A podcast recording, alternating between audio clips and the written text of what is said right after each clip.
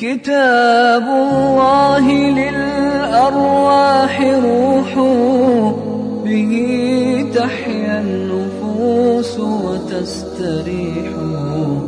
كتاب الله للأرواح روح به تحيا النفوس وتستريح. بسم الله الرحمن الرحيم. الحمد لله رب العالمين وصلى الله وسلم وبارك على سيدنا ونبينا محمد وعلى آله وصحبه أجمعين. اللهم علمنا ما ينفعنا وانفعنا بما علمتنا وارزقنا الإخلاص في القول والعمل. حياكم الله أيها الإخوة أيتها الأخوات في هذا الدرس العشرين من دروس التعليق على تفسير الإمام عبد الله بن عمر البيضاوي الشافعي رحمه الله تعالى. وهذا هو يوم الأحد الخامس والعشرون من شهر جمادى الآخرة من عام 1434 للهجرة. ولا زال حديث الإمام البيضاوي رحمه الله متصلا حول تفسير الآيات التي تتحدث عن المنافقين وصفاتهم في أول سورة البقرة. ونحن أيها الإخوة ونحن نتحدث عن هذه الآيات ونقرأ تفسير الإمام البيضاوي لها ونعلق عليه. لا ينبغي علينا أن تغيب عن أذهاننا. تطبيقات هذه الآيات في واقع الناس اليوم. فإن المنافقين من أخطر الفئات على المجتمع الإسلامي في التاريخ منذ انتقل النبي صلى الله عليه وسلم إلى المدينة وحتى اليوم. وينبغي على طالب العلم وعلى المسلم بصفة عامة أن يكون على اطلاع ومعرفة بصفات هؤلاء المنافقين الذين حذرنا الله سبحانه وتعالى منهم في القرآن الكريم في مواضع كثيرة في سورة البقرة في أولها وفي سورة النساء. وفي سورة آل عمران وفي سورة المنافقون وفي غيرها من سور القرآن الكريم وما ذلك أيها الإخوة أيتها الأخوات إلا لعظيم خطرهم وتهديدهم للمسلمين من داخل الصف.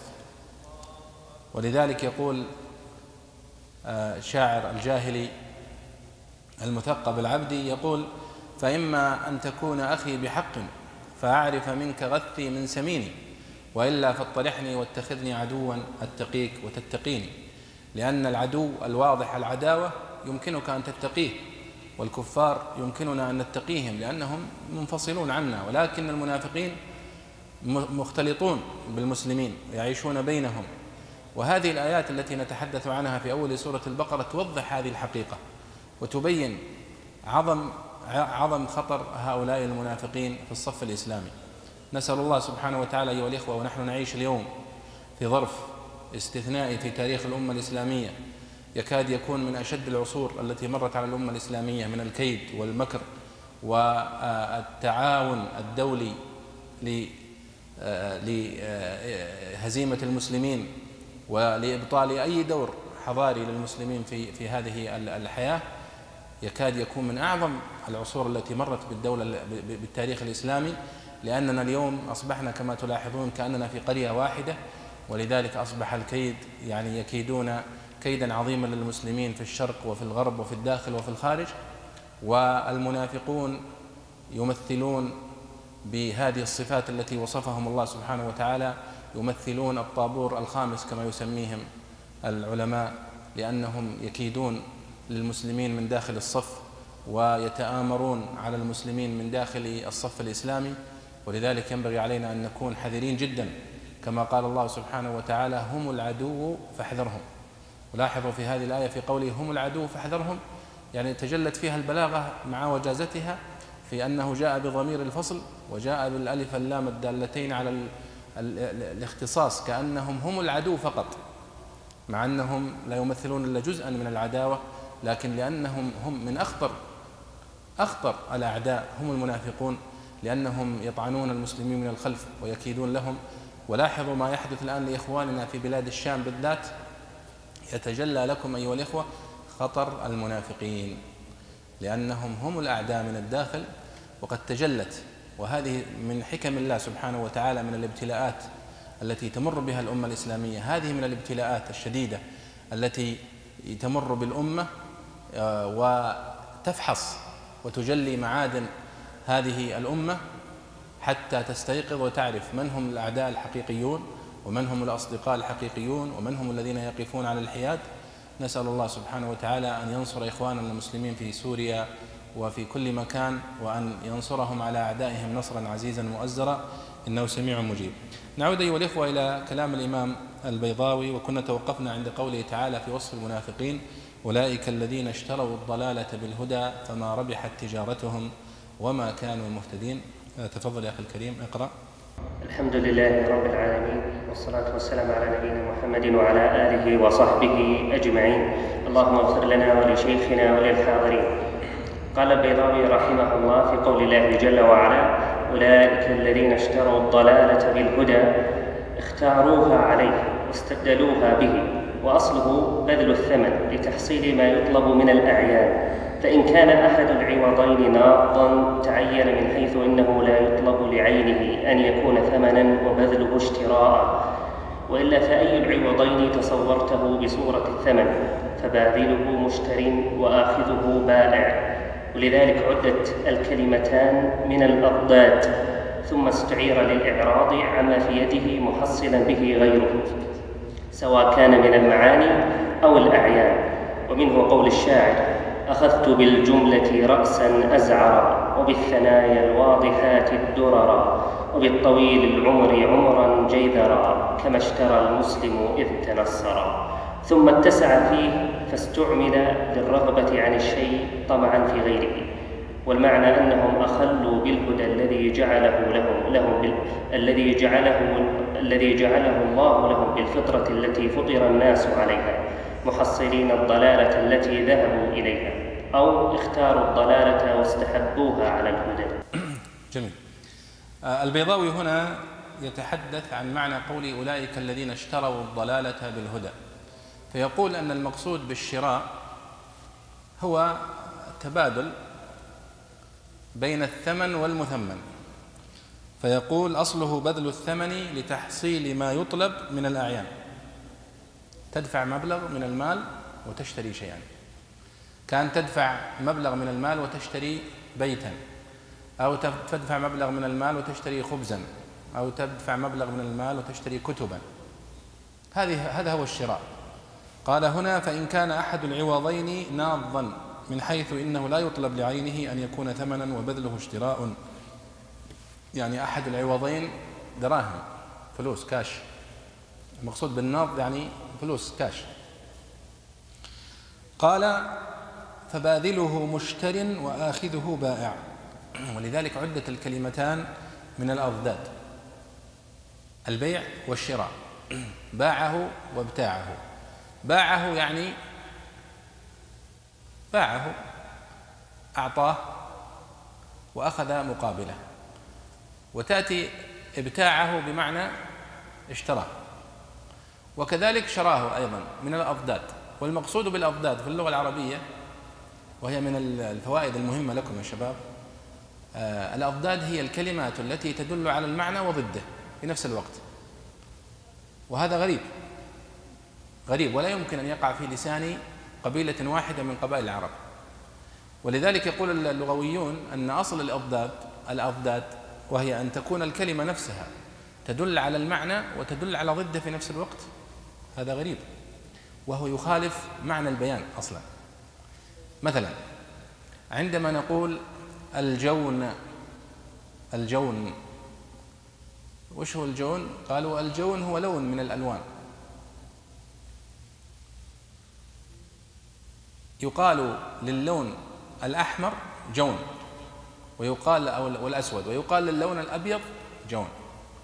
طيب ما هو معقول؟ يعني مثلا على سبيل المثال أنك فيه مثلا على سبيل المثال كتاب لونه أسود فتقول لأحدهم أعطني الكتاب ذا اللون الجون مثلا. فيقول طيب يعطيك اللون الأسود. تقول لا أنا أقصد الأبيض.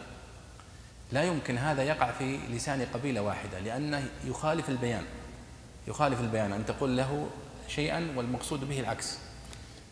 ولكن يقول العلماء أن العلماء لما جمعوا لغة العرب وجمعوا القبائل فوجدوا أن قبيلة تميم مثلا تسمي اللون الأسود الجون ووجدوا قبيلة طي وهي قبيلة بعيدة عنها تسمي اللون الأبيض جون.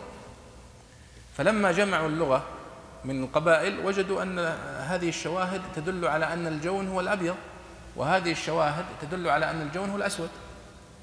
فجمعوها في كتب سموها الأضداد في اللغة. ولذلك صنف فيها ابن الأنباري كتابه القيم جدا الأضداد محمد أبو بكر محمد بن القاسم بن الأنباري المتوفى 328 وصاحب كتاب إيضاح الوقف والابتداء وهو من أفضل ما كتب في الوقف والابتداء في القرآن الكريم. فكتاب الأضداد كتب الأضداد نشأت على هذا المبدأ أنها تجمع هذه الألفاظ التي تدل على المعنى وضده ولكن ليس في قبيلة واحدة من قبائل العرب لأنه لا يمكن يوجد ولكن في عدة قبائل. ولذلك آه، تجدون هذه اللفظة مثل آه، وشروه بثمن بخس. شروه يعني إيش؟ يعني باعوه. وشروه بثمن بخس. دراهم معدودة. شروه يعني باعوه. فالشراء والبيع تأتي بالمعاني مختلفة. يعني شرى تأتي بمعنى باع وشرى تأتي بمعنى اشترى. يعني كما قال الله سبحانه وتعالى ومن الناس من يشري نفسه ابتغاء مرضات الله. يشري يعني يبيع.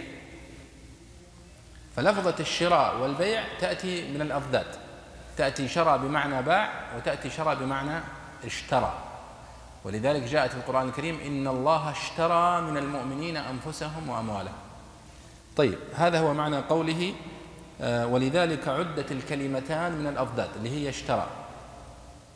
اشتروا الضلالة بالهدى. طيب. قال ثم استعير يعني استعير معنى الشراء والبيع هذا لمعنى آخر. كأنه هو الشراء والبيع هو تبادل العوض. تدفع فلوس وتأخذ مقابلها. هذا هو المعنى الشائع يعني. اشتريت وبعت. لكن استعير هذا المعنى. شوفوا معنى الاستعارة في اللغة العربية. وش هي؟ أن هذا المعنى يستخدم في الحقل في هذا الحقل البيع والشراء المعروف. لكنه استعير هذا التعبير من هذا الحقل إلى حقل آخر وهو حقل المعنويات. فالله سبحانه وتعالى يقول عن المنافقين هؤلاء اشتروا الضلالة بالهدى وأهل اللغة يقولون دائما أن الباء تدخل على العوض على الثمن. فأنت هنا تلاحظ اشتروا الضلالة بالهدى الباء دخلت على الثمن. ما هو الثمن الذي دفعوه؟ الهدى. الهدى والنور والبصيرة التي كانوا فيها جعلوها ثمنا واشتروا مقابلها الضلالة والحيرة والعمى. قال ثم استعير للإعراض عما في يده محصلا به غيره. يعني كأن الإنسان كان معه هدى في يده ونور وبصيرة فدفعها ثمنا وأخذ مقابلها الضلالة. قال سواء كان من المعاني أو الأعيان يعني سواء كان من المعاني مثل الضلالة والهدى الضلالة والهدى هي معاني وليست حقائق يعني أشياء ملموسة. أو من الأعيان الأعيان يعني الأشياء الملموسة المحسوسة. مثلا تشتري خبز بعشرة ريال مثلا. خلاص هذه الفلوس محسوسة تدفعها وتشتري لك خبز شيء محسوس أعيان. واشتروا الضلالة بالهدى هذه أشياء معنوية. يعني ما ما تعتبر أشياء عينية. ثم استشهد بقول الشاعر أخذت بالجملة رأسا أزعرا وبالثنايا الواضحات الدررا وبالطويل العمر عمرا جيذرا كما اشترى المسلم إذ تنصرا هذا رجل تزوج امرأة عجوز قبيحة وكان عنده زوجة شابة. فقال هذه الأبيات. يقول يعني أنني أخذت بالجملة رأسا أزعرا يعني بالشابة المرأة الشابة. رأسا أزعرا يعني عجوزا ذات شيب. وبالثنايا الواضحات الدرر وبالطويل العمر عمرا جيذرا يعني في نهاية عمرها. كما اشترى المسلم إذ تنصر. يعني المسلم عندما اعتنق النصرانية وارتد عن دينه كأنه اشترى النصرانية وباع الإسلام. ويقال أن هذه الأبيات قيلت في جبلة بن الأيهم. وتعرفون قصته؟ أنه كان نصرانيا فأسلم في عهد عمر ولكن كان أمير من أمراء النصارى. فلما كان يطوف في البيت آه، وطئ أحد الأعراب على ردائه وكان رجل يعني متعود على الفخامة وعلى البرستيج وعلى فلما رأى هذا الموقف غضب ولطم هذا الأعرابي. كيف تطع على ثوبي؟ فوصلت المسألة إلى أمير المؤمنين عمر بن الخطاب رضي الله عنه. وقيل له يعني حدث كذا وكذا. فأراد عمر أن يأتي بجبله ويقتص بهذا الأعرابي منه. ففر جبله في تلك الليلة والتحق بالنصارى وارتد عن دينه. طيب قال البيضاوي ثم اتسع فيه فاستعمل للرغبة عن الشيء طمعا في غيره. يعني موضوع الشراء. موضوع الشراء هو في الأصل للبيع والشراء المعروف. تدفع فلوس وتأخذ مقابل. ثم اتسع. هو ما تحدثنا عنه تذكرون في المحاضرات الماضية اللي يسمونها المجاز. جزء من الاتساع هو المجاز. وش معناها؟ معناتها أنك توسعت في الدلالة اللفظة. يعني بدل ما كانت البيع والشراء تدل على هذا المعنى المحدود اللي هو تبادل المنفعة والفلوس أصبح متوسعا فيه فأصبح يدل على أي تبادل سواء كان ماديا أو معنويا يسمى بيع وشراء. ولذلك تلاحظون إذا قلنا الآن شراء الذمم صح ولا لا؟ يقول والله هذا باع ذمته. هذه البيع يعني هو مسألة معنوية وشراء الذمم. قال ثم اتسع فيه يعني اتسع في معنى دلالته فاستعمل للرغبة عن الشيء أي شيء ترغب عنه تقول والله بعته. ولذلك مثلا رجل كان صديق لك ثم تخليت عنه فتقول له لقد بعتني. أليس كذلك؟ والله هذا باعني هذا. ونحو ذلك. فقال فاستخدم هذا البيع والشراء في كل ما تخليت عنه أو رغبت فيه. والمعنى أن هؤلاء المنافقين قال والمعنى أنهم أخلوا بالهدى الذي جعله الله لهم بالفطرة التي فطر الناس عليها أو بغيرها أو بالاكتساب. يعني المنافقين قد يكون المقصود بأنهم اشتروا الضلالة أنهم تركوا الفطرة التي كانوا عليها من الهدى واشتروا الضلالة.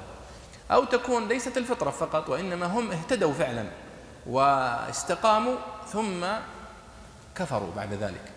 كما قال الله سبحانه وتعالى ذلك بأنهم آمنوا ثم كفروا. فطبع على قلوبهم فأثبت لهم الإيمان ثم أنهم كفروا بعد ذلك. قال محصلين الضلال التي ذهبوا إليها أو اختاروا الضلالة واستحبوها على الهدى. وهذا المعنى أيضا ذكره كثير من مفسري السلف لعلي أذكرهم. وأيضا ذكره الله سبحانه وتعالى في كتابه عندما قال في سورة فصلت فأما ثمود فهديناهم فاستحبوا الهد العمى على الهدى. نفس الفكرة استحبوا العمى على الهدى يعني اشتروا الضلالة بالهدى. تفضل يا شيخ. قال تعالى فما ربحت تجارتهم ترشيح للمجاز لما استعمل الاشتراء في معاملتهم أتبعه ما يشاكله تمثيلا لخسارتهم. ونحوه ولما رأيت النسر عز بن ديبة وعشش في وكريه جاش له صدري. والتجارة طلب الربح بالبيع والشراء والربح الفضل على رأس المال ولذلك سمي شفا وإسناده إلى التجارة وهو لأربابها على على اتساع لتلبسها بالفاعل أو لمشابهتها إياه من حيث أنها سبب الربح والخسران. جميل. فما ربحت تجارتهم؟ لاحظوا يا شباب الآن الأسلوب البلاغة في الآية. يقول الله سبحانه وتعالى عن المنافقين أولئك الذين اشتروا الضلالة بالهدى. فعبر عن البيع والشراء عبر عن الأشياء المعنوية اللي هي الضلالة والهدى وهي أشياء معنوية بالبيع والشراء. طيب جميل. قال فما ربحت تجارتهم وما كانوا مهتدين. طيب ما في التجارة؟ وين التجارة؟ التجارة الآن ناسب أنه يأتي بكلمة التجارة لأنه جاء في أول الآية بكلمة بيع وشراء. والبيع والشراء هو التجارة. فقال أولئك الذين اشتروا الضلالة بالهدى فلما جاء اشترى الضلالة صار فيها يعني ألفاظ مناسبة للتجارة جاء بعبارة تلائم هذه الاستعارة فقال فما ربحت تجارتهم وما كانوا مهتدين. هذا يسمونه في علم البلاغة في علم المعاني الترشيح مصطلح الترشيح. ولذلك تجد في بعض كتب التفسير مثل هذا على سبيل المثال ترشيح للمجاز بس. كيف ترشيح للمجاز؟ وش معنى الترشيح أصلا؟ الترشيح له عدة معاني في اللغة العربية. الترشيح يأتي بمعنى التأهيل والتقوية. كما يقول الطغراء في لامية العجم قد رشحوك لأمر لو فطنت له فاربأ بنفسك أن ترعى مع الهمل. رشحوك يعني أهلوك ووضعوك في موضع قوي. فهذا الترشيح. والترشيح في الاستعارة أو في البلاغة هو الإتيان بما يناسب الاستعارة تقوية لها. يعني الآن لما قال اشتروا الضلالة بالهدى جاء بكلمة فما ربحت تجارتهم. كلمة ربحت تجارتهم تستخدم في المعنى في البيع والشراء. لما جاء بكلمة ربحت عفوا اشتروا ناسب أن يأتي بلفظة التجارة والربح وكذا. هذا هو الاستعارة. كما في قوله سبحانه وتعالى على سبيل المثال أو أو كما في قوله يعني ما ودي إني أخطئ في الدلالات البلاغية القرآنية كما في قول الشاعر على سبيل المثال وهو أبو الحسن التهامي في في رائيته المشهورة يقول و وإذا رجوت المستحيل فإنما تبني الرجاء على شفير هاري. في قصيدته التي يرثي فيها ابنه وهي قصيدة أنصحكم بحفظها قصيدة جميلة جدا من قصائد أبي الحسن التهامي. حكم المنية في البرية جاري ما هذه الدنيا بدار قرار؟ بين يرى الإنسان فيها مخبرا حتى يرى خبرا من الأخبار. ثم يقول وإذا رجوت المستحيل فإنما تبني الرجاء على شفير هاري.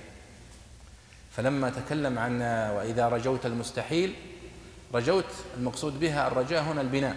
وإذا رجوت المستحيل فإنما تبني الرجاء على شفير هاري. الرجاء لما جاء كلمة تبني ناسب أن يأتي بكلمة شفير.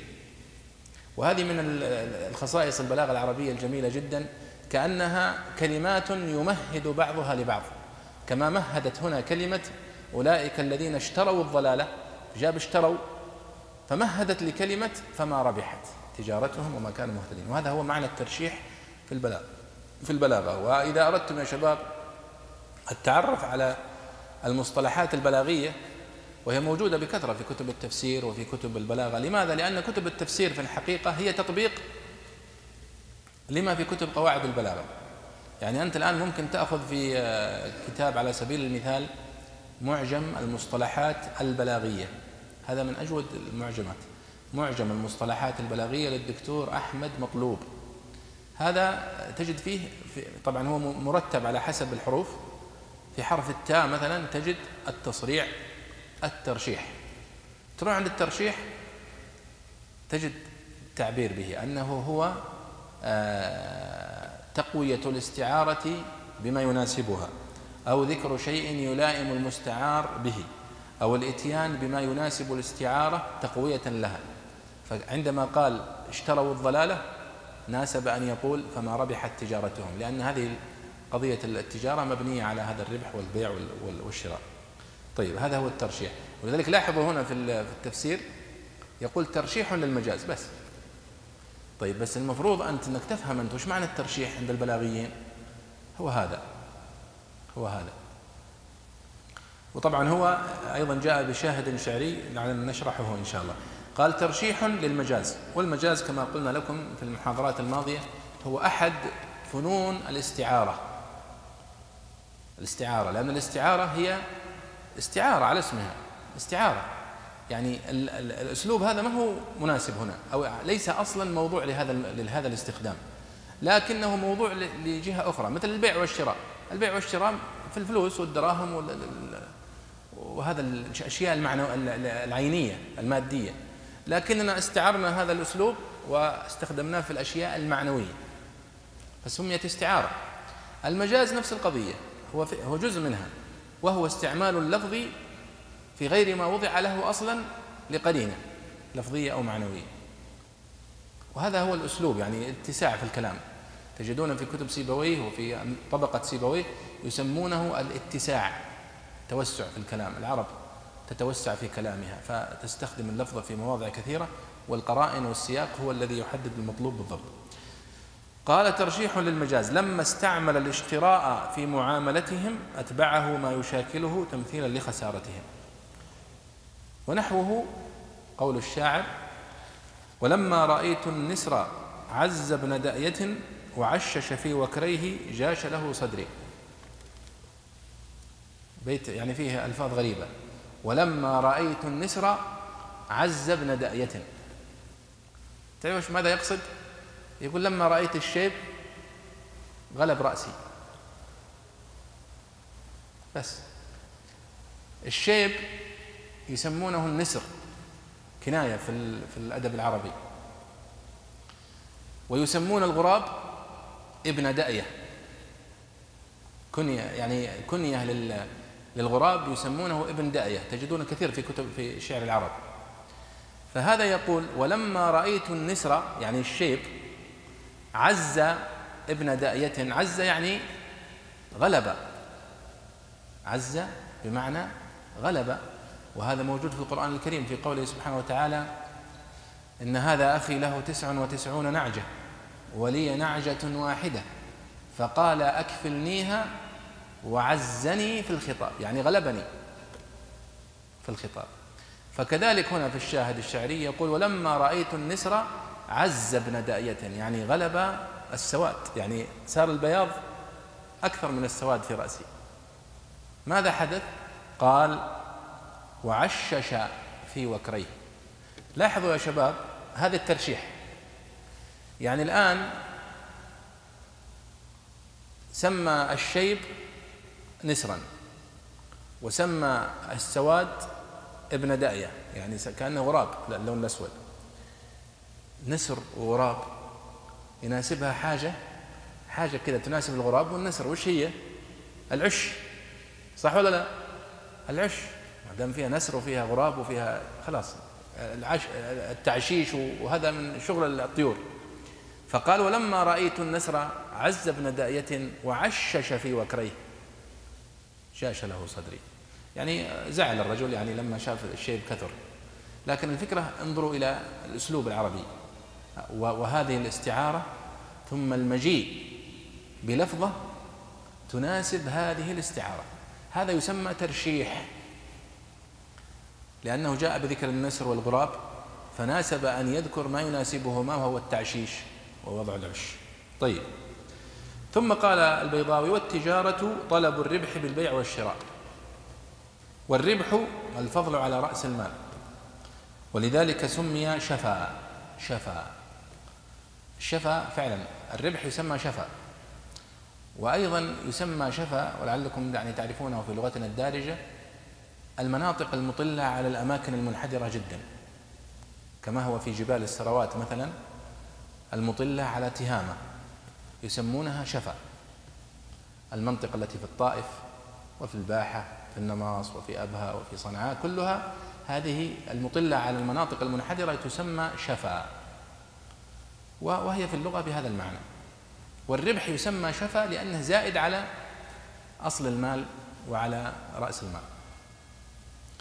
قال وإسناده إلى التجارة وهو لأربابها على الاتساع لتلبسها بالفاعل أو لمشابهتها إياه من حيث إنها سبب الربح والخسران يعني الله سبحانه وتعالى يقول فما ربحت تجارتهم.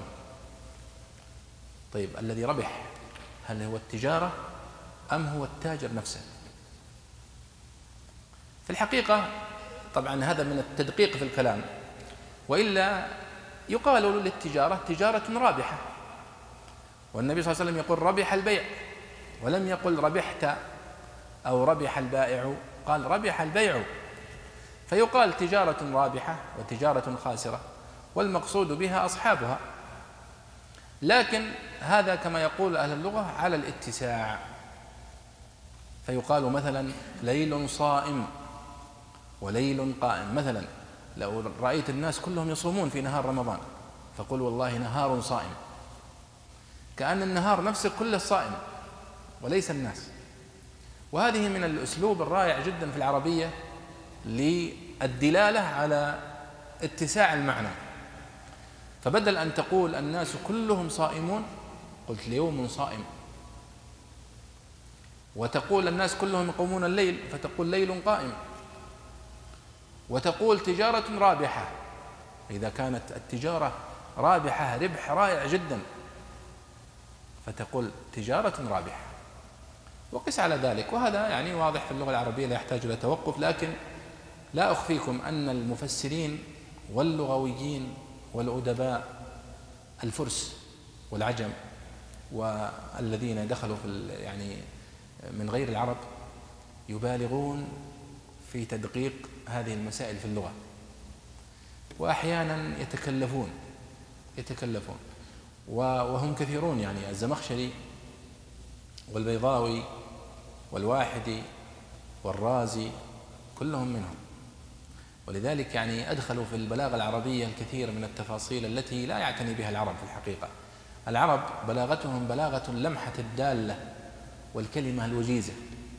والعربي يعتبر أن الإطالة من العي ومن عدم الفصاحة ولذلك قيل لأحدهم ما البلاغة؟ قال البلاغة الإيجاز. كلمة واحدة. قال وما العي قال ما أنت فيه. اللي أنت جالس تطيل فيه نحن. ولذلك نحن الحقيقة يعني نحن أقرب إلى العي منا إلى البلاغة. آه نعم تفضل يا شيخ. وما كانوا مهتدين. قال تعالى وما كانوا مهتدين. لطرق التجارة فإن المقصود منها سلامة رأس المال والربح. وهؤلاء قد أضاعوا الطلبتين لأن رأس مالهم كان الفطرة السليمة والعقل والعقل الصرف. فلما اعتقدوا هذه الضلالات بطل استعدادهم واختل عقلهم ولم يبقى لهم رأس مال يتوسلون به إلى درك الحق ونيل الكمال. فبقوا خاسرين آيسين من الربح فاقدين للأصل. جميل. يعني واضح الكلام في قوله في آخر الآية وما كانوا مهتدين. وهذه التذييلات في الآيات القرآنية مهمة جدا أيها الإخوة والتوقف عندها وخاصة في جوانبها البلاغية. ويعتبر البيضاوي والزمخشري قبله من أفضل من عني بهذه المسألة. حتى بعض الذين أحيانا يقولون ابن عاشور يعتني بخواتم الآيات وكذا هو الحقيقة يسير على ركب البيضاوي وركب الزمخشري في هذه النقطة. فقوله سبحانه وتعالى أولئك الذين اشتروا الضلالة بالهدى فما ربحت تجارتهم وما كانوا مهتدين. وما كانوا مهتدين هنا نفي لهم أو نفي للهداية عنهم مطلقا. فهم لم يهتدوا لا في تجارة ولم يهتدوا في السير على طريق الهدى والحق. لكن هنا يقول البيضاوي وما كانوا مهتدين لطرق التجارة. لماذا؟ قال إن المقصود من التجارة سلامة رأس المال والربح. وهؤلاء قد أضاعوا الطلبتين. لأن رأس مالهم كان الفطرة السليمة والعقل الصرف. فلما اعتقدوا أن هذه اعتقدوا هذه الضلالات بطل استعدادهم واختل عقلهم. ولم يبق لهم رأس مال يتوسلون به إلى درك الحق ونيل الكمال فبقوا خاسرين آيسين من الربح فاقدين الأصل. ولاحظوا هنا يا شباب كيف أن الكلام يترابط بعضه ببعض. هو عندما قال في أول الآية أولئك الذين اشتروا الضلالة بالهدى طيب وين الهدى الذي هم عليه؟ قال الهدى الذي كانوا عليه هو الفطرة التي كان كانت مغروسة فيهم أصلا. كما قال النبي صلى الله عليه وسلم كل مولود يولد على الفطرة. فالأصل في الإنسان أن الفطرة هي فطرته على الحق وعلى التوحيد وعلى الطاعة. ربط هذا الكلام في آخر الآية فقال فما ربحت تجارتهم وما كانوا مهتدين. ما كانوا مهتدين لأنهم ضيعوا رأس المال الذي هو الفطرة التي كانوا كانوا مفطورين عليه. في حين أن بعض المفسرين يقولون أن ما كانوا عليه من الهدى ليس فقط الفطرة وإنما أيضا الهداية التي حصلت لهم بالدعوة وبالإيمان وبالبيان وبالمعرفة وبالتعليم. النبي صلى الله عليه وسلم علمهم وعرفهم واستجابوا له ثم انتكسوا بعد ذلك وكفروا. فأصبح هذا الضلال الذي هم فيه بعد الهداية التي كانوا عليها وليس فقط بعد الفطرة التي كانوا مغروسة في نفوسهم. وأنا يعجبني المفسر المنسجم. المفسر عندما يقول كلمة ينبغي أن يطردها في كلامه كله. مثلا عندما يأتي مفسر فيقول في ألف لام ميم مثلا من المتشابه. ثم يأتي في ألف لام ميم في سورة أخرى فيقول معناها كذا. هنا يحصل اضطراب في المنهج. لأنك دائما إذا قلت قولا في موضع اطرده في بقية المواضع خاصة المواضع المتشابهة التي لا يوجد أي فرق بينها. مثل مثلا الحروف المقطعة في أوائل السور ونحوها. فهذه منهجية جيدة. هنا البيضاوي أيضا منسجم مع منهجه عندما قال قولا وسار عليه. والإمام الطبري هو من أشد العلماء انتظاما في منهجه التفسيري. ومثله الإمام ابن كثير رحمه الله تعالى. ولعلنا إن شاء الله نذكر هذا في في هذه الآية القادمة لأن الآية التي سوف تأتي معنا الآن من أهم الآيات التي في في أول سورة البقرة.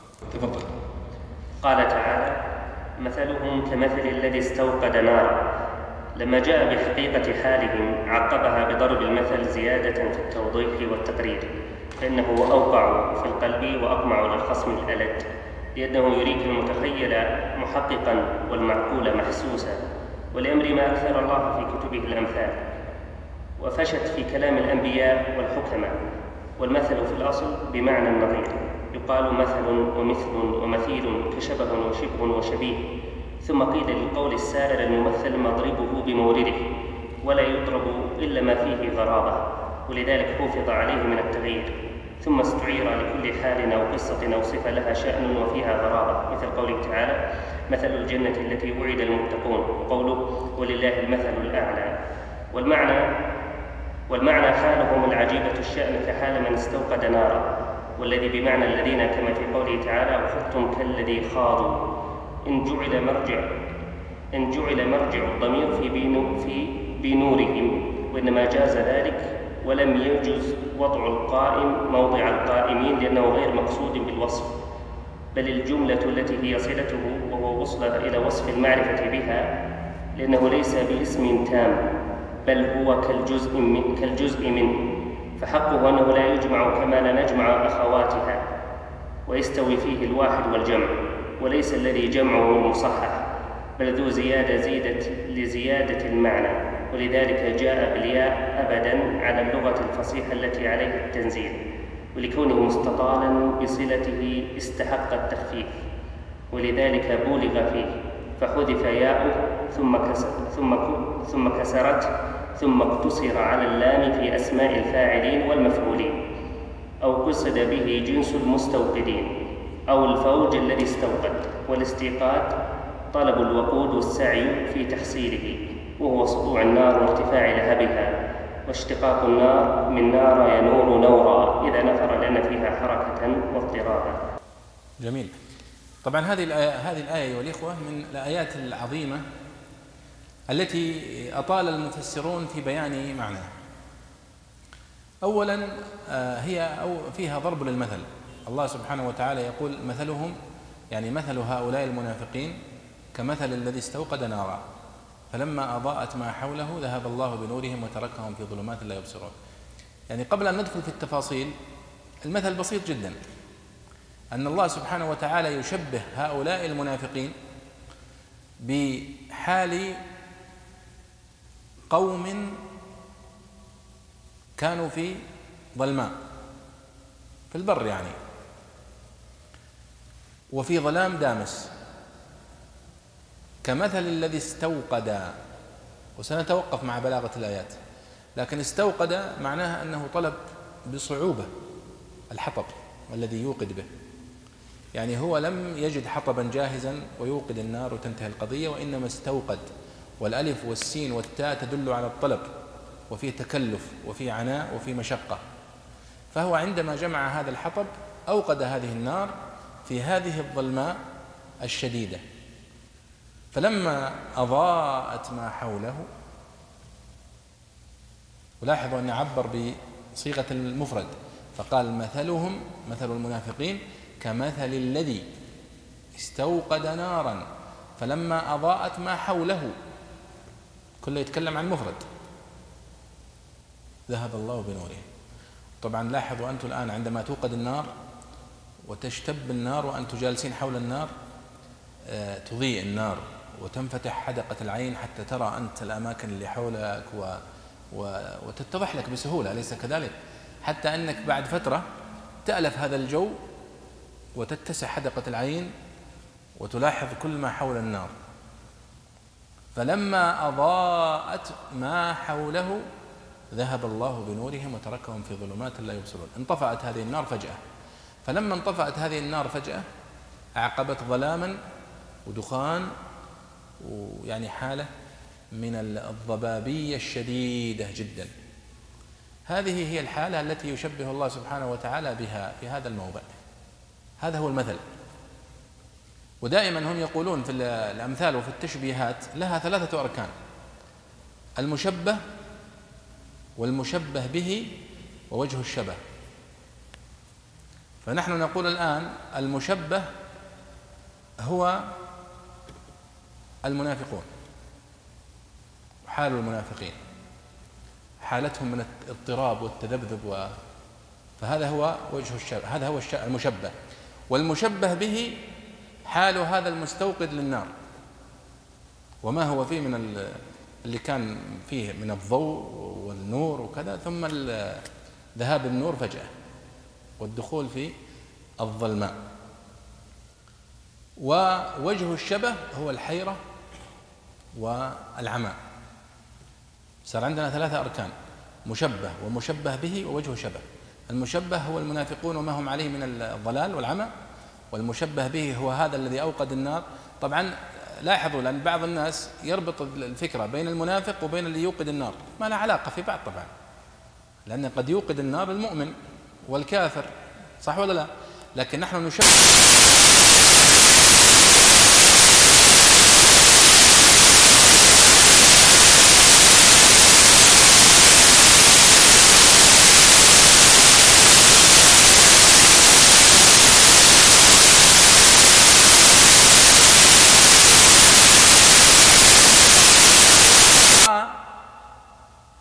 له نور الوحي والهداية والعلم والخير لكنه لم يستجب ولم يستمر. فانطفأ هذا النور في صدر في نفسه كما انطفأت هذه النار في هذه الظلماء فأصبح في ضلال وفي حيرة ولذلك وقع منه هذا التصرف إنهم اشتروا الضلال بالهدى. ولا من هو؟ من هو العاقل الذي يبيع الهداية ويشتري الضلال إلا رجل في عنده مشكلة. فهذا هو وجه الشبه هذا هذا هو يعني بكل بساطة معنى هذه الآية. مثلهم كمثل الذي استوقد نارا فلما أضاءت ما حوله ذهب الله بنورهم وتركهم في ظلمات لا يبصرون. طبعا سنجد فيها الآن هناك وقفات بلاغية لأن قد يأتي وهذا الزمخشري قد وقف عنده وقفات جميلة. والبيضاوي اختصر كلام الزمخشري في في تفسيره هنا. فتأتي من الأمثلة. أولا هذا مثل. لذلك يقول الإمام ابن القيم رحمه الله هذا المثل الناري. يسميه هذا المثل الناري. والمثل الذي سوف يأتي بعده أو كصيب من السماء قال هذا المثل المائي. فأولا قدم الزمخشري أو قدم البيضاوي بكلمة جميلة وهي قوله قال لما جاء بحقيقة حالهم عقبها بضرب المثل. زيادة في التوضيح والتقرير. لماذا؟ قال فإنه أوقع في القلب وأقمع للخصم الألد لأنه يريك المتخيل محققا والمعقول محسوسا. ولأمر ما أكثر الله في كتبه الأمثال وفشت في كلام الأنبياء والحكماء. وهذا كلام الزمخشري بنصه. يشير إلى أهمية ضرب الأمثال في القرآن الكريم وأن الله سبحانه وتعالى قد ضرب الأمثال ويضرب الله الأمثال للناس. مثلهم كمثل الذي استوقد نارا. آه، مثلهم كمثل الحمار يحمل أسفارا. آه، إنما مثل الذين آمنوا إنما مثل وهكذا. تلاحظون أن آه، ولقد ضربنا للناس من كل مثل. واضرب لهم مثل الرجلين جعلنا لأحدهما جنتين من أعناب. فالأمثال فيها ميزة لا توجد في غيرها وهي أنها تشبه لك الشيء المتخيل المعنوي بشيء حسي مشهود. تذكرون ضربت ذكرت لكم في المحاضرة الماضية آه، كلمة آه، أحد جلساء أمير البصرة لأبي عبيدة معمر بن المثنى. عندما قال له الذي نعرفه من من تشبيهات العرب أنهم يشبهون شيئا مجهولا بشيء معلوم. لكي يتضح المجهول. فأنت مثلا إذا قلت مثلا على سبيل المثال وقد أغتدي والطير في وكناتها بمنجرد قيد الأوابد هيكلي مكر مفر مقبل مدبر معا كجلمود صخر حطه السيل من علي. هذا يصف طبعا امرؤ القيس يصف الحصان ويقول أنا أغتدي في الصباح الباكر للصيد وللطرد وللقنص بمنجرد قيد الأوابد يعني على حصان منجرد يعني أنه يعني حتى في هيكله وفي بنيته يعني رياضي. قيد الأوابد يعني وهذه من أجمل الأوصاف اللي ذكرها الشعراء في الأدب العربي. يقول أن حصاني من سرعته قيد الأوابد. ما هي الأوابد؟ قالوا الأوابد هي الوحش. الوحوش يعني الغزلان والأسود وهذه كلها تعتبر أوابد يعني آبدة وحشية. هي سريعة وطبعا معروف دائما أن الحيوانات الوحشية المتوحشة أنها سريعة جدا لأنها متعودة على الفرار من البشر ومتعودة على الفرار من الإنس. لكن هذا الحصان الذي يجري عليه امرؤ القيس عندما يلحق هذه الوحوش تعتبر كأنها مقيدة مقارنة به. طبعا هذه صفة جميلة جدا. يعني تخيل أن مثلا على سبيل المثال لو كانت هي تمشي مثلا 80 في الساعة وهذا الحصان يمشي 120 أو 130 وطبعا أنت تعرف إذا تجاوزتك سيارة أحيانا وأنت ماشي 120 تتجاوزك بسرعة هائلة جدا وهي ماشية 180 مثلا. فتشعر أنت أنك واقف مع أنك مسرع لكن مقارنة بها أنت كأنك واقف. فهو يقول أن هذا الحصان الذي أنا أطرد عليه هذا الصيد آه، قيد الأوابد وهذه من أجمل الصفات في الأدب العربي لهذا الحصان قال بمنجرد قيد الأوابد هيكلي مكر مفر مقبل مدبر معا. يصف الحصان وصف جميل جدا. فيقول أنه في أثناء المعركة يكر ويفر ويقبل ويدبر. قالوا هذا أي حصان في العالم يسوي الحركة هذه؟ ما في إضافة. لكن الإضافة التي أضافها إمرؤ القيس هي قوله معا. هذا حصان امرؤ القيس بس. لكن أي حصان آخر كله يسوون الحركات هذه. فقال مكر مفر مقبل مدبر معا يعني في نفس اللحظة يعني يمارس هذه المهارات بسرعة فائقة. ثم أراد أن يشبه هذه السرعة الهائلة التي يمارسها الحصان فجاء بتشبيه جميل جدا كل الناس يعرفونه وهو أنهم يعرفون إذا نزل المطر وسالت الأودية والشعاب ورؤوس الجبال كما قال أبو تمام فلا تنكري عطل الكريم من الغنى فالسيل حرب للمكان العالي. السيل إذا جاء فإنه يتحدر من الرؤوس إلى الأودية بسرعة هائلة جدا ولذلك يحصل فيه آه، تلفيات كما تلاحظون الآن يشيل السيارات ويشيل الجمال و قال كجلمود صخر حطه السيل من علي. تخيل جلمود الصخر صخرة عظيمة ثم جاء السيل الهائل فحمل هذه الصخرة إلى أسفل الوادي. هذه المشاهد أنا أظن أنها موجودة الآن حتى في تصويرات الناس. هذا المشهد الهائل هو يمثل تماما حصان امرأ القيس في وصفه الذي وصفه. هذا التشبيه أسلوب يستخدمه العرب كثيرا واستخدمه القرآن الكريم كثيرا جدا جدا جدا. ولذلك كتب كتب العلماء قديما وحديثا في أمثال القرآن الكريم وشرح هذه الأمثال وبيان وجه التشبيه فيها.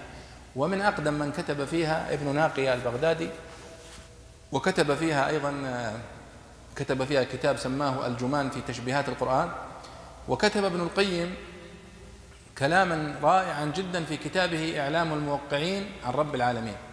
له كتاب في الفقه أو في أصول الفقه لكنه عندما جاء لكي يشرح قول عمر بن الخطاب رضي الله عنه لأبي موسى الأشعري عندما كتب له رسالة في القضاء فقال له فيها عمر وقس الأشباه والنظائر.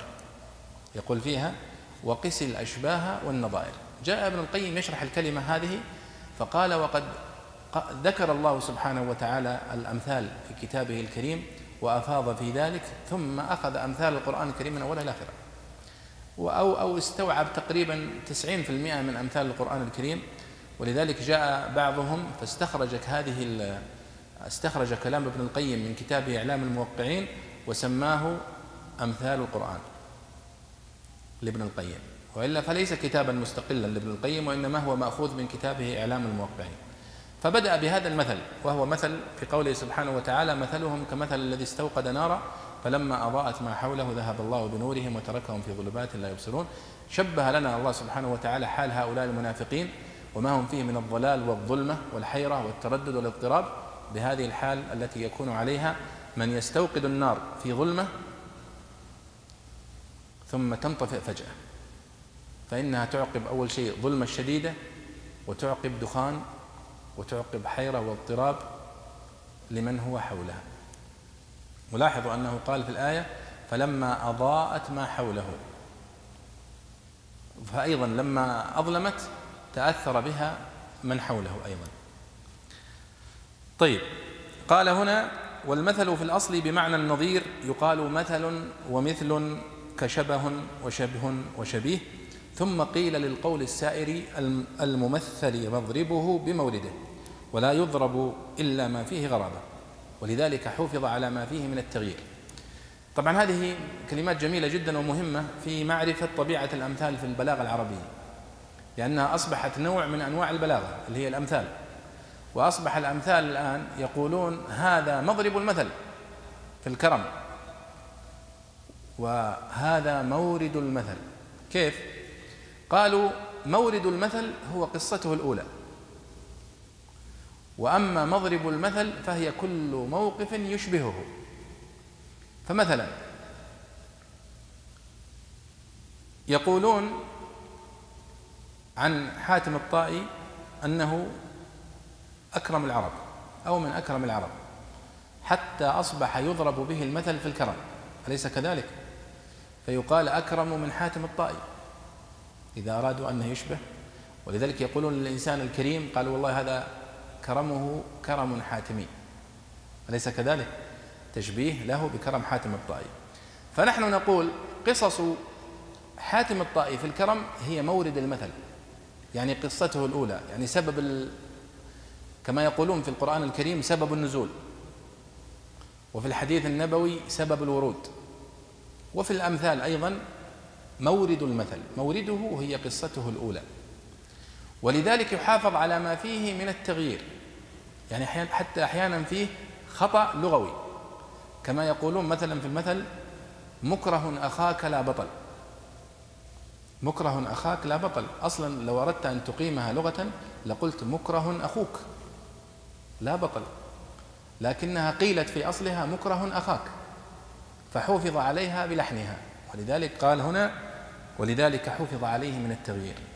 والأمثال كما تعلمون كثيرة جدا ومعروفة وحتى أمثال عامية ودارجة وأمثال حتى بالعربية وبالإنجليزية والفرنسية. كل الأمم تهتم بالمثل وتقيم له وزن لأنه يختصر المقصود. يختصر المقصود.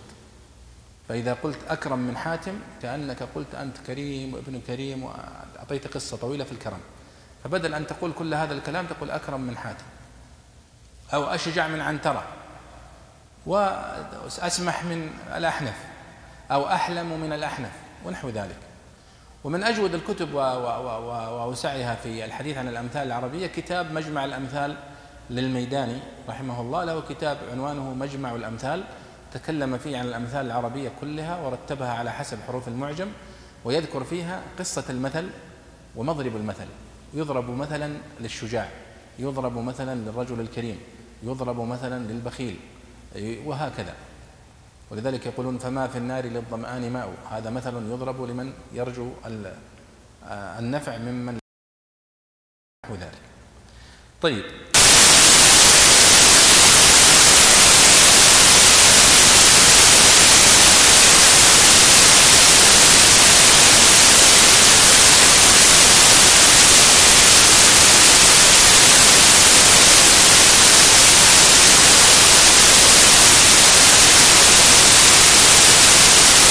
والمقصود بهذا هكذا يعني. عندما نأتي في التفسير فيقول الله مثل الجنة التي وعد المتقون فيها أنهار. فنقول في التفسير معنى هذه الآية صفة الجنة التي وعد المتقون كذا وكذا. لماذا طيب عبر بكلمة مثل بدل كلمة صفة؟ قال لأن هذه نادرة وعجيبة وصف رائع جدا ولذلك استخدم المثل فيه. وأيضا في قوله ولله المثل الأعلى. يعني الوصف الأعلى والأكمل. فاستخدم لفظ المثل. فهذا أيها الإخوة يعني من المناسبات التي يتحدث فيها المفسرون عن أهمية ضرب الأمثال في القرآن الكريم وكيف أن القرآن الكريم فيه ما في لغة العرب من ضرب الأمثال الاستعارات كما يقول هنا البيضاوي ثم استعير. وذكرت لكم أن المقصود بالاستعارة دائما هي نقل الأسلوب من ميدان إلى ميدان. فكما نقل أسلوب البيع والشراء قبل قليل أولئك الذين اشتروا الضلالة بالهدى. البيع والشراء معروف هو تبادل السلع والمنافع والنقود. لكنه نقل هذا الأسلوب من ميدان العينيات فلوس والأخذ وكذا نقلها إلى ميدان المعنويات وهو الضلالة والهدى. الضلالة والهدى هذه أشياء معنوية لكنها استعير هذا التعبير من ميدان الأشياء العينية إلى ميدان الأشياء المعنوية. وهذا رائع جدا والاستعارة يعني من أروع وأفضل الأساليب التي يعني تحدثت بها العرب وهي من جمال اللغة العربية كما يقول ابن قتيبة. طيب قال والمعنى حالهم العجيبة يعني حال هؤلاء المنافقين كحال من استوقد نارا والذي طبعا هنا هنا نقف مع بلاغة الآية. لماذا قال الله سبحانه وتعالى مثلهم كمثل الذي والذي كما تعلمون هو اسم موصول يدل على المفرد المذكر يعني الأسماء الموصولة وتذكرون ذكرت لكم في أول الدروس أهمية معرفة المصطلحات النحوية والبلاغية. يعني النحوية زي هذا مثلا الذي الذي اسم موصول. طيب هو لما يقول اسم موصول خلاص يعني يعرف أنك عارف الفكرة. المقصود بالأسماء الموصولة الذي للمفرد المذكر.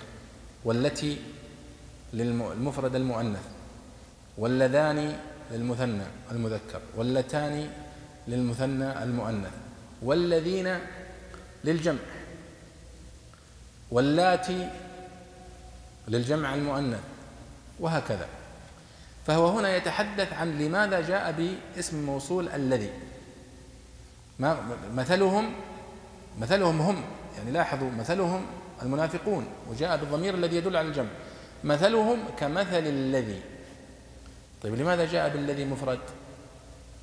لماذا بدأ؟ فقال الذي استوقد نارا فلما أضاءت ما حوله مذكر مفرد. أضاءت ما حوله ذهب الله بنوره قال لا ذهب الله بنورهم. فبدأ بها مفرد ثم رجع في النهاية الجمع. ما هو السر البلاغي في هذا؟ هنا يتحدث البيضاوي فيقول والذي بمعنى الذين. كما في قوله تعالى وخذتم كالذي خاضوا. وخذتم كالذي خاضوا. الحقيقة هنا كلام البيضاوي وهو مقلد فيه للزمخشري غير دقيق. لأن التشبيه هذه الآية بهذه الآية فيه خلل. لأن معنى الآية وخذتم كالذي خاضوا يعني وخذتم كالخوض الذي خاضوا. فالذي هنا يعود على محذوف تقديره الخوض. وليس معناه وخذتم كالذين خاضوا. وتجدون بعض المفسرين يستشهدون بقول الأشهب بن رميلة الشاعر يقول وإن الذي حانت بفلج دماؤهم هم القوم كل القوم يا أم خالد. فقالوا وإن الذي حانت بفلج دماؤهم معناها وإن الذين حانت بفلج دماؤهم. فهذا كمثل الذي استوقد نارا يعني معناها كمثل الذين. لكن المقصود الذي وجاء المقصود بها الذين. طبعا البيضاوي هنا ذكر ثلاث احتمالات وجه بها هذا الاستخدام أو الأسلوب يعني لماذا جاء بالمفرد ثم ذكر الجمع. فقال هي ثلاث احتمالات. الاحتمال الأول الذي بمعنى الذين. كما في قوله تعالى وخذتم كالذي خاضوا. إن جعل مرجع الضمير في بنورهم وإنما جاز ذلك ولم يجوز وضع القائم موضع القائم لأنه غير مقصود به. طيب هذا هذا الاحتمال الأول. الاحتمال الثاني قال أو قصد به جنس المستوقدين. الجنس. يعني كمثلهم كمثل الذي فالذي استوقد نار جنس المنافقين. فأطلق عليهم الذي الذي يطلق للمفرد المذكر المقصود به جنس المنافقين وليس فردا واحدا منهم. الاحتمال الثالث قال أو الفوج الذي استوقد. ما هو المقصود المنافقين جميعا؟ أربعة خمسة ستة. طيب فمثلهم كمثل الفوج الذي استوقد نارا أو مثل جنس المنافقين. طيب هذه ثلاثة احتمالات يذكرها دائما المفسرون والبلاغيون في هذه الآية. والمسألة بسيطة جدا. لماذا استخدم الله سبحانه وتعالى الذي هنا موضع الذين؟ هذه دائما أيها الإخوة تبحث في باب الدلالة والبلاغة. كيف؟ يعني الآن الأصل أننا نستخدم الذين. فجاء هو واستخدم الذي. الذي يدل على المفرد. ما هي الحكمة البلاغية؟ قال المفسرون الحكمة البلاغية أن الذي أوقد لهم النار شخص واحد. مثلهم كمثل الذي استوقد. يعني ما هو معقولة كل واحد مع الكبريت ويشب هي واحد اللي بيشب فقالوا كمثل الذي استوقد نارا فلما أضاءت ما حوله هذا الشخص ذهب الله بنوره هو وحده؟ لا طبعا. وإنما ذهب الله بنور الجميع لأن النار كانت تضيء للجميع وإن كان الذي أوقدها واحدا. ونذكر إن شاء الله التفاصيل بعد بعد الأذان يا شيخ. نعود إلى كلام المفسرين عن الذي أيها الإخوة في هذه الآية كمثل الذي استوقد نارا فلما أضاءت ما حوله ذهب الله بنورهم. استخدام الذي اللي هو اسم الموصول الذي يدل على المفرد المذكر. وبالمناسبة الذي هو يعني هو رأس الأدوات الموصولة أو رأس الأدوات الأسماء الموصولة. تلاحظون في النحو أنهم يقولون إن وأخواتها كان وأخواتها لأنها أم الباب. كان أم باب النواسخ وإن أيضا هو أم أو يعني أم الباب. لماذا؟ لأنها تتميز بمميزات ليست في بقية الأحرف. فكان فيها مميزات وخصائص اختصت بها لا تجدها في بقية الأدوات الناسخة ومثلها إن أيضا في الأدوات الناصبة وكذلك الذي في الأسماء الموصولة. وتجدون في كتب النحو المطولة تفاصيل هذه الفروق آه، في في هذه الأدوات. آه، يقول البيضاوي هنا والاستيقاد عندما يقول كمثل الذي استوقد ونحن ذكرت لكم أن الألف والسين والتاء تدل على الطلب. استغفر واستمهل واستغاث واستوقد فيها طلب. ومعنى الطلب يا شباب أن فيه جهد مبذول. فيه جهد مبذول. ولذلك الآن الذي يبذل جهدا في جمع الحطب يتعب تعب شديد ثم يوقد النار ثم تنطفئ النار. أليست حسرته أكبر من شخص يجد حطب جاهز ويشعل النار وتنطفئ النار؟ حسرته أقل ليس كذلك لأن هذا بذل جهد وتعب تعب شديد ثم أيضا آه، باءت جهوده بالفشل. لذلك هذا من الدلالات البلاغية في هذه الآية وسنتوقف عندها لكن بعد أن نقرأ كلام البيضاوي. ولذلك يقول البيضاوي هنا والاستيقاد طلب الوقود والسعي في تحصيله. هذه الكلمة جميلة جدا. ودائما نحن ونحن نقرأ كتب التفسير المختصرة. إذا كنا نقرأها باستعجال لا نفهم المقصود. ماذا يقصد البيضاوي؟ هو يريد أن يوصل لك هذا المعنى الذي ذكرته لك عندما يقول والاستيقاد هو طلب الوقود والسعي في تحصيله. لكي يقول لك إنه عندما انطفأ شعر بغبن أشد من لو لم يكن تعب في تحصيله. وهذا هو الذي ذكره الزمخشري في الأصل. قال وهو سطوع النار وارتفاع لهبها واشتقاق النار من نار ينور نورا إذا نفر لأن فيها حركة واضطرابا. طيب كمل يا شيخ حتى لعلنا ننهي الآية. قال تعالى فلما أضاءت ما حوله أي النار ما حول المستوقد إن جعلتها متعدية. وإلا أمكن أن تكون مسندة إلى ما والتأنيث لأن ما حوله أشياء وأماكن أو إلى ضمير النار وما موصولة في معنى الأمكنة نصب على الظرف أو مزيدة وحوله ظرف. وتأليف الحول للدوران وقيل للعام حول لأنه يدور. كمل كمل وبعدين نشرحها قال تعالى ذهب الله بنوره جواب لما والضمير للذي وجمعه للحمل على المعنى. على هذا إنما قال بنورهم ولم يقل بنارهم لأنه المراد من ايقادها أو استئناف أجيب به اعتراض سائل يقول ما بالهم؟ شبهت حالهم بحال مستوقد انطفأت ناره. أو بدل من جملة التمثيل على سبيل البيان والضمير على الوجهين للمنافقين. والجواب محذوف كما في قوله تعالى فلما ذهبوا به للإيجاز وأمن الالتباس. وإسناد الذهاب إلى الله تعالى إما لأن الكل بفعله أو لأن الإطفاء حصل بسبب خفي أو أمر سماوي كريح أو مطر أو للمبالغة ولذلك عدي الفعل بالباء دون الهمزة لما فيه من معنى الاستصحاب والاستمساك. يقال ذهب السلطان بماله إذا أخذه وما أخذه الله أمسك فلا مرسل له ولذلك عدل عن الضوء الذي هو مقتضى اللفظ إلى النور. فإنه لو قيل ذهب الله بضوئهم احتمل ذهابه بما فيه الضوء من الزيادة وبقاء ما يسمى نورا. والغرض إزالة النور عنهم رأسا. ألا ترى كيف قرر ذلك وكده بقوله وتركهم في ظلمات لا يبصرون. فذكر الظلمة التي هي عدم النور وانطماسه بالكلية وجمعها ونكرها ووصفها بأنها ظلمة خالصة لا يتراءى فيها شبحان وترك في الأصل بمعنى طرح وترك وترك في الأصل بمعنى طرح وخلى وله مفعول واحد فضمن معنى صير فجرى مجرى أفعال القلوب كقوله تعالى وتركهم في ظلمات. وقول الشاعر فتركته جزر السباع ينشنه ينشنه. ينشنه. ينشنه. ينشنه. يقضمن حسن بنانه والمعصم.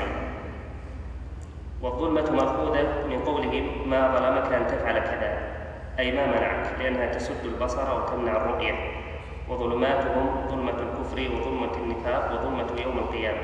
كما قال تعالى يوم ترى المؤمنين والمؤمنات يسعى نورهم بين أيديهم وبأيمانهم أو ظلمة أو ظلمة الضلال وظلمة سخط الله وظلمة العقاب السرمدي أو ظلمة شديدة كأنها ظلمة متراكمة. ومفعول لا يبصرون من قبيل المطروح المتروك فكأن الفعل غير متعدي. والآية مثل ضرب الله لمن أتاه ضربا من الهدى فأضاعه ولم يتوصل به إلى نعيم الأبد فبقي متحيرا متحسرا. تقريرا أو توضيحا لما تضمنته الآية الأولى. ويدخل تحت عموم هؤلاء المنافقون. فإنهم أضاعوا ما نطقت به ألسنتهم من الحق باستبطان الكفر وإظهاره حين خلوا إلى شياطينهم ومن آثر الضلالة على الهدى المجعول له بالفطرة أو ارتد عن دينه بعدما آمن ومن صح له أحوال الإرادة فادعى أحوال المحبة فأذهب الله عنه ما أشرق عليه من أنوار الإرادة. أو مثل لإيمانهم من حيث أنه يعود عليهم بحقن الدماء وسلامة الأموال والأولاد ومشاركة المسلمين في المغانم والأحكام بالنار والأحكام بالنار الموقدة للاستضاءة. ولذهاب أثرهم وانطماس نوره بإهلاكهم وإفشاء حال بإطفاء الله تعالى إياه إياها وإذهاب نورها. جميل. طيب الإمام البيضاوي طبعا دقق كثيرا في تحليل هذه العبارة وتعلمون أن الإمام البيضاوي اختصر كتابه من تفسير الزمخشري والرازي والراغب الأصفهاني. وهؤلاء الثلاثة خاصة آه، الزمخشري قد دقق في دلالات الآيات. دلالات الحروف ودلالات الألفاظ بما لا مزيد عليه. ولكن فعل ذلك باختصار شديد وإلماحات دقيقة. لا يتفطن لها إلا من يمعن النظر ويكرر آه، النظر إليها. هنا يقول فلم كمثلهم كمثل الذي استوقد نارا فلما أضاءت ما حوله. فلما أضاءت ما حوله. قال فلما أضاءت أي النار. ما حول المستوقد وإلا أمكن أن تكون مسندا إلى آخره. وتأليف الحول للدوران وقيل للعام حول لأنه يدور يعني يقول ما حوله سمي ما حوله حولا لأنه يعني يكاد يحيط بالإنسان بشكل مستدير. سمي الحول حولا للدوران ولذلك يسمون العام حولا لأنه دار وحال حتى حال عليه الحول. ثم قال ذهب الله بنورهم.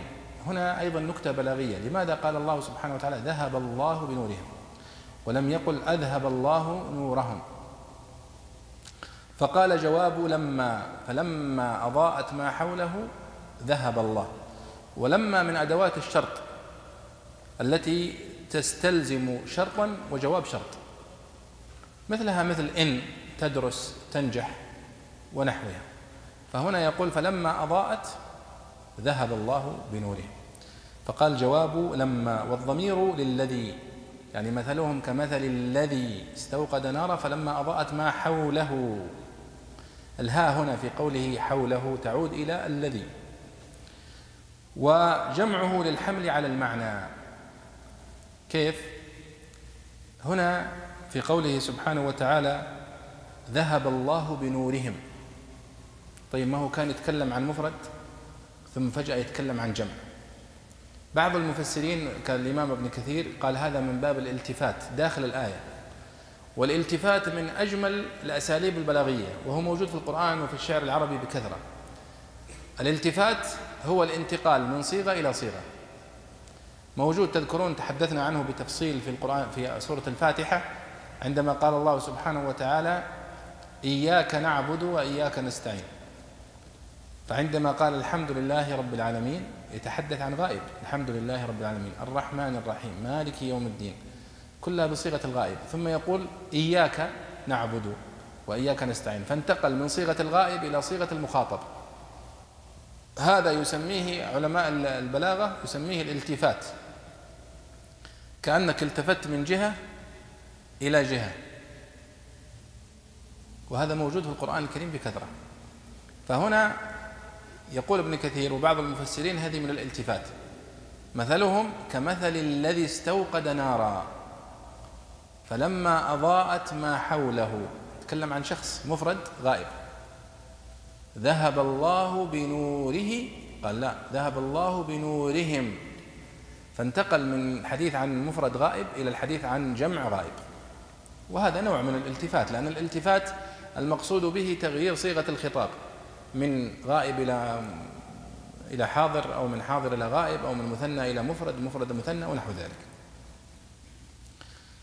قال هنا وجمعه للحمل على المعنى كيف؟ نحن قلنا أن الله سبحانه وتعالى عندما قال مثلهم كمثل الذي استوقد نارا عبر بالمفرد لأن الذي قام بإيقاد النار واحد كما جرت العادة أن الذي يوقد النار واحد. فلما أضاءت ما حوله كأنه هو الذي يباشر النار وحتى أوقدها وأصبحت نارا عظيمة مضيئة فلما أضاءت ما حوله ذهب الله بنورهم جميعا لأن الذين كانوا حول النار يستفيدون من وقودها مجموعة من الناس وليس فرد واحد. فقال ذهب الله بنورهم وتركهم في ظلمات لا يبصرون. إذا هذا هو المشبه به يا شباب. ونحن نقول هذه أركان التشبيه في الآية المعروفة عند اللغويين هي ثلاثة المشبه والمشبه به ووجه الشبه. وهو المثل يعني المثل له الممثل والممثل به وجه التمثيل. فهنا الله سبحانه وتعالى يشبه لنا حال المنافقين هم فيها من الحيرة والضلال والعمى والاضطراب كما قال في الآية التي قبلها أولئك الذين اشتروا الضلالة بالهدى. هم يدورون الضلالة تدوير لدرجة أنهم يشترونها شراء والإنسان ما يشتري الشيء إلا وهو حريص عليه. ولذلك استعمل الله سبحانه وتعالى بحث المنافقين عن الضلال وعلى الانحراف أنهم يدورون التدوير ويشترون الشراء ويدفعون مقابل ذلك أموال. فقال أولئك الذين اشتروا الضلالة بالهدى فما ربحت تجارتهم وما كانوا مهتدين. هنا يريد أن يمثل لنا حجم الضلال والعمى والحيرة التي هم فيها فشبه لنا مثلهم وهو مثل معنوي. يعني أنت عندما تقول والله فلان ضال كيف يعني ضال يعني؟ كيف تستطيع أنك تشوفه من شكله؟ تعرف أنه ضال؟ ما ما يمكن هذا ولكن الضلالة هي مسألة معنوية.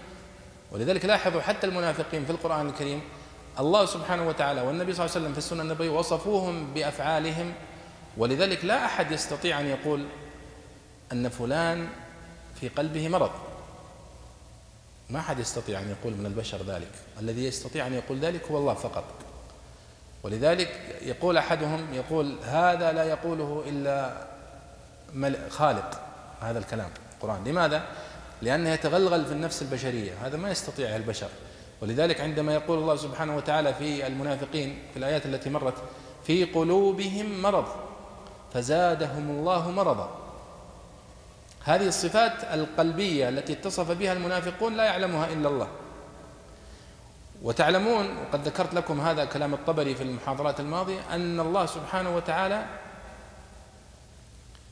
أمر النبي صلى الله عليه وسلم أن يتعامل مع ظاهر المنافقين فقط ولا يتعامل مع بواطنهم ولا مع أسرارهم ولذلك كان يتعامل مع ظواهرهم ويكل سرائرهم إلى الله مع أنه عليه الصلاة والسلام يعلم بأسماء بعض المنافقين. لكن حتى نحذرهم وضح الله لنا صفات المنافقين. صفات فعلية تظهر في كلامهم وتظهر في أفعالهم وفي تصرفاتهم. ولذلك وصفهم في القرآن الكريم بهذه الصفات. فقال ومن الناس من يقول آمنا بالله وباليوم الآخر وما هم بمؤمنين. هذه ما يعرفها إلا الله. يخادعون الله والذين آمنوا وما يخدعون إلا أنفسهم وما يشعرون في قلوبهم مرض فزادهم الله مرضا ولهم عذاب أليم بما كانوا يكذبون. وإذا قيل لهم لا تفسدوا في الأرض. الآن دخلنا في الصفات التي يمكن أنك تلاحظها وتكتشفها بالراحة. فقال وإذا قيل لهم لا تفسدوا في الأرض قالوا إنما نحن مصلحون. الفساد والصلاح الشرع قد وضحها لنا. أفعال الصلاح معروفة وأفعال الفساد معروفة. والله سبحانه وتعالى قال والله يعلم المفسد من المصلح. أيضا النبي صلى الله عليه وسلم قال عندما وصف المنافقين قال آية المنافق ثلاث. ثم ذكر صفات يمكن قياسها ويمكن معرفتها. فقال إذا حدث كذب وإذا خاصم فجر وإذا اؤتمن خان. هذه كلها صفات يمكن معرفتها. وقال في سورة محمد ولا تعرفنهم في لحن القول. وقال آه الذين يتربصون بكم فإن كان لكم فتح من الله قالوا ألم نكن معكم. وهكذا.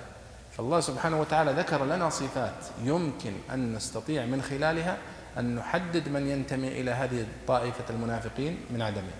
ولكن ليس أكثر من ذلك. ولا يستطيع الإنسان أن يقسم الناس ويتهم الناس بالنفاق فإنه لا يعرف ما في القلوب إلا الله سبحانه وتعالى إذا لم يظهر من أفعال الإنسان شيء من أفعال المنافقين. فمثلا عندما تكون الأمة مثلنا اليوم اليوم الأمة في حالة تحفز مع اليهود ومع النصارى ومع المجوس بشكل واضح. ثم يأتي بعض أبناء المسلمين يخذلون الصفوف ويشككون في المجاهدين ويطعنون في أهل الصلاح. هؤلاء هذه من صفات المنافقين. فهذه صفات كاشفة تستطيع من خلالها أن تعرف بالضبط هؤلاء من هؤلاء. وهذه الآيات وأنا أكرر هذا أيها الإخوة ونحن الكريم بالرغم من الوقوف مع تفاصيل البلاغة وأيضا نزل عنها وعن معرفتها ونعرف دائما من خلال كلامنا على تفسير البيضاوي أو ابن كثير أو الكشاف أو غيرها هؤلاء العلماء رحمهم الله شاركوا مشاركة رائعة جدا في وضع أصول التفسير وأصول البيان الحقيقي لفهم كلام الله. لأنه يخرج لنا يا إخواني من يتكلم في التفسير في منابر إعلامية ربما وهو لا يحسن أصول فهم القرآن الكريم التي ينبغي أن يلتزم بها. فيأتي بكلام لا قيمة له في ميزان البحث العلمي. كيف تستطيع أن تحكم وتقول والله هذا كلام صحيح أو هذا كلام غير صحيح؟ إذا كان عندك مقياس وعندك ميزان. الآن لاحظوا كلام البيضاوي رحمه الله مع أنه كلام مركز من حيث البلاغة ومن حيث اللغة. لكن عندما تقرأ في كلام الإمام البيضاء الإمام ابن كثير رحمه الله تشعر بمنهجية أخرى. نحن نقول دائما المنهجية التي سار عليها ابن كثير هي المنهجية الأفضل.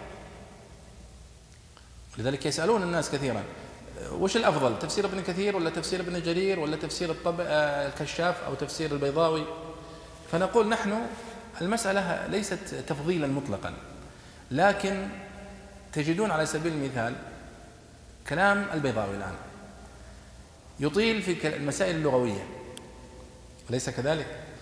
وهو كلام مهم جدا يعني مثلا على سبيل المثال عندما يقول هنا ذهب الله بنورهم جواب لما هذه مسألة نحوية ومهمة جدا. ثم يقول والضمير للذي كلام مركز. يعني الضمير في قوله ذهب الله بنورهم يعود على الذي في أول الآية. الإمام ابن كثير ما يهتم بهذه التفاصيل وإنما يعطيك المعنى العام ولكنه يهتم بثلاثة أشياء في غاية الأهمية عند تناول تفسير القرآن الكريم. وهو أننا نحن الآن أيها الإخوة ماذا نريد أصلا من من فهم التفسير؟ نريد أن نفهم كلام الله. بحيث إذا قرأت القرآن الكريم أو سمعته وأنت تصلي تفهم المقصود. بس هذا هو المقصود من التفسير.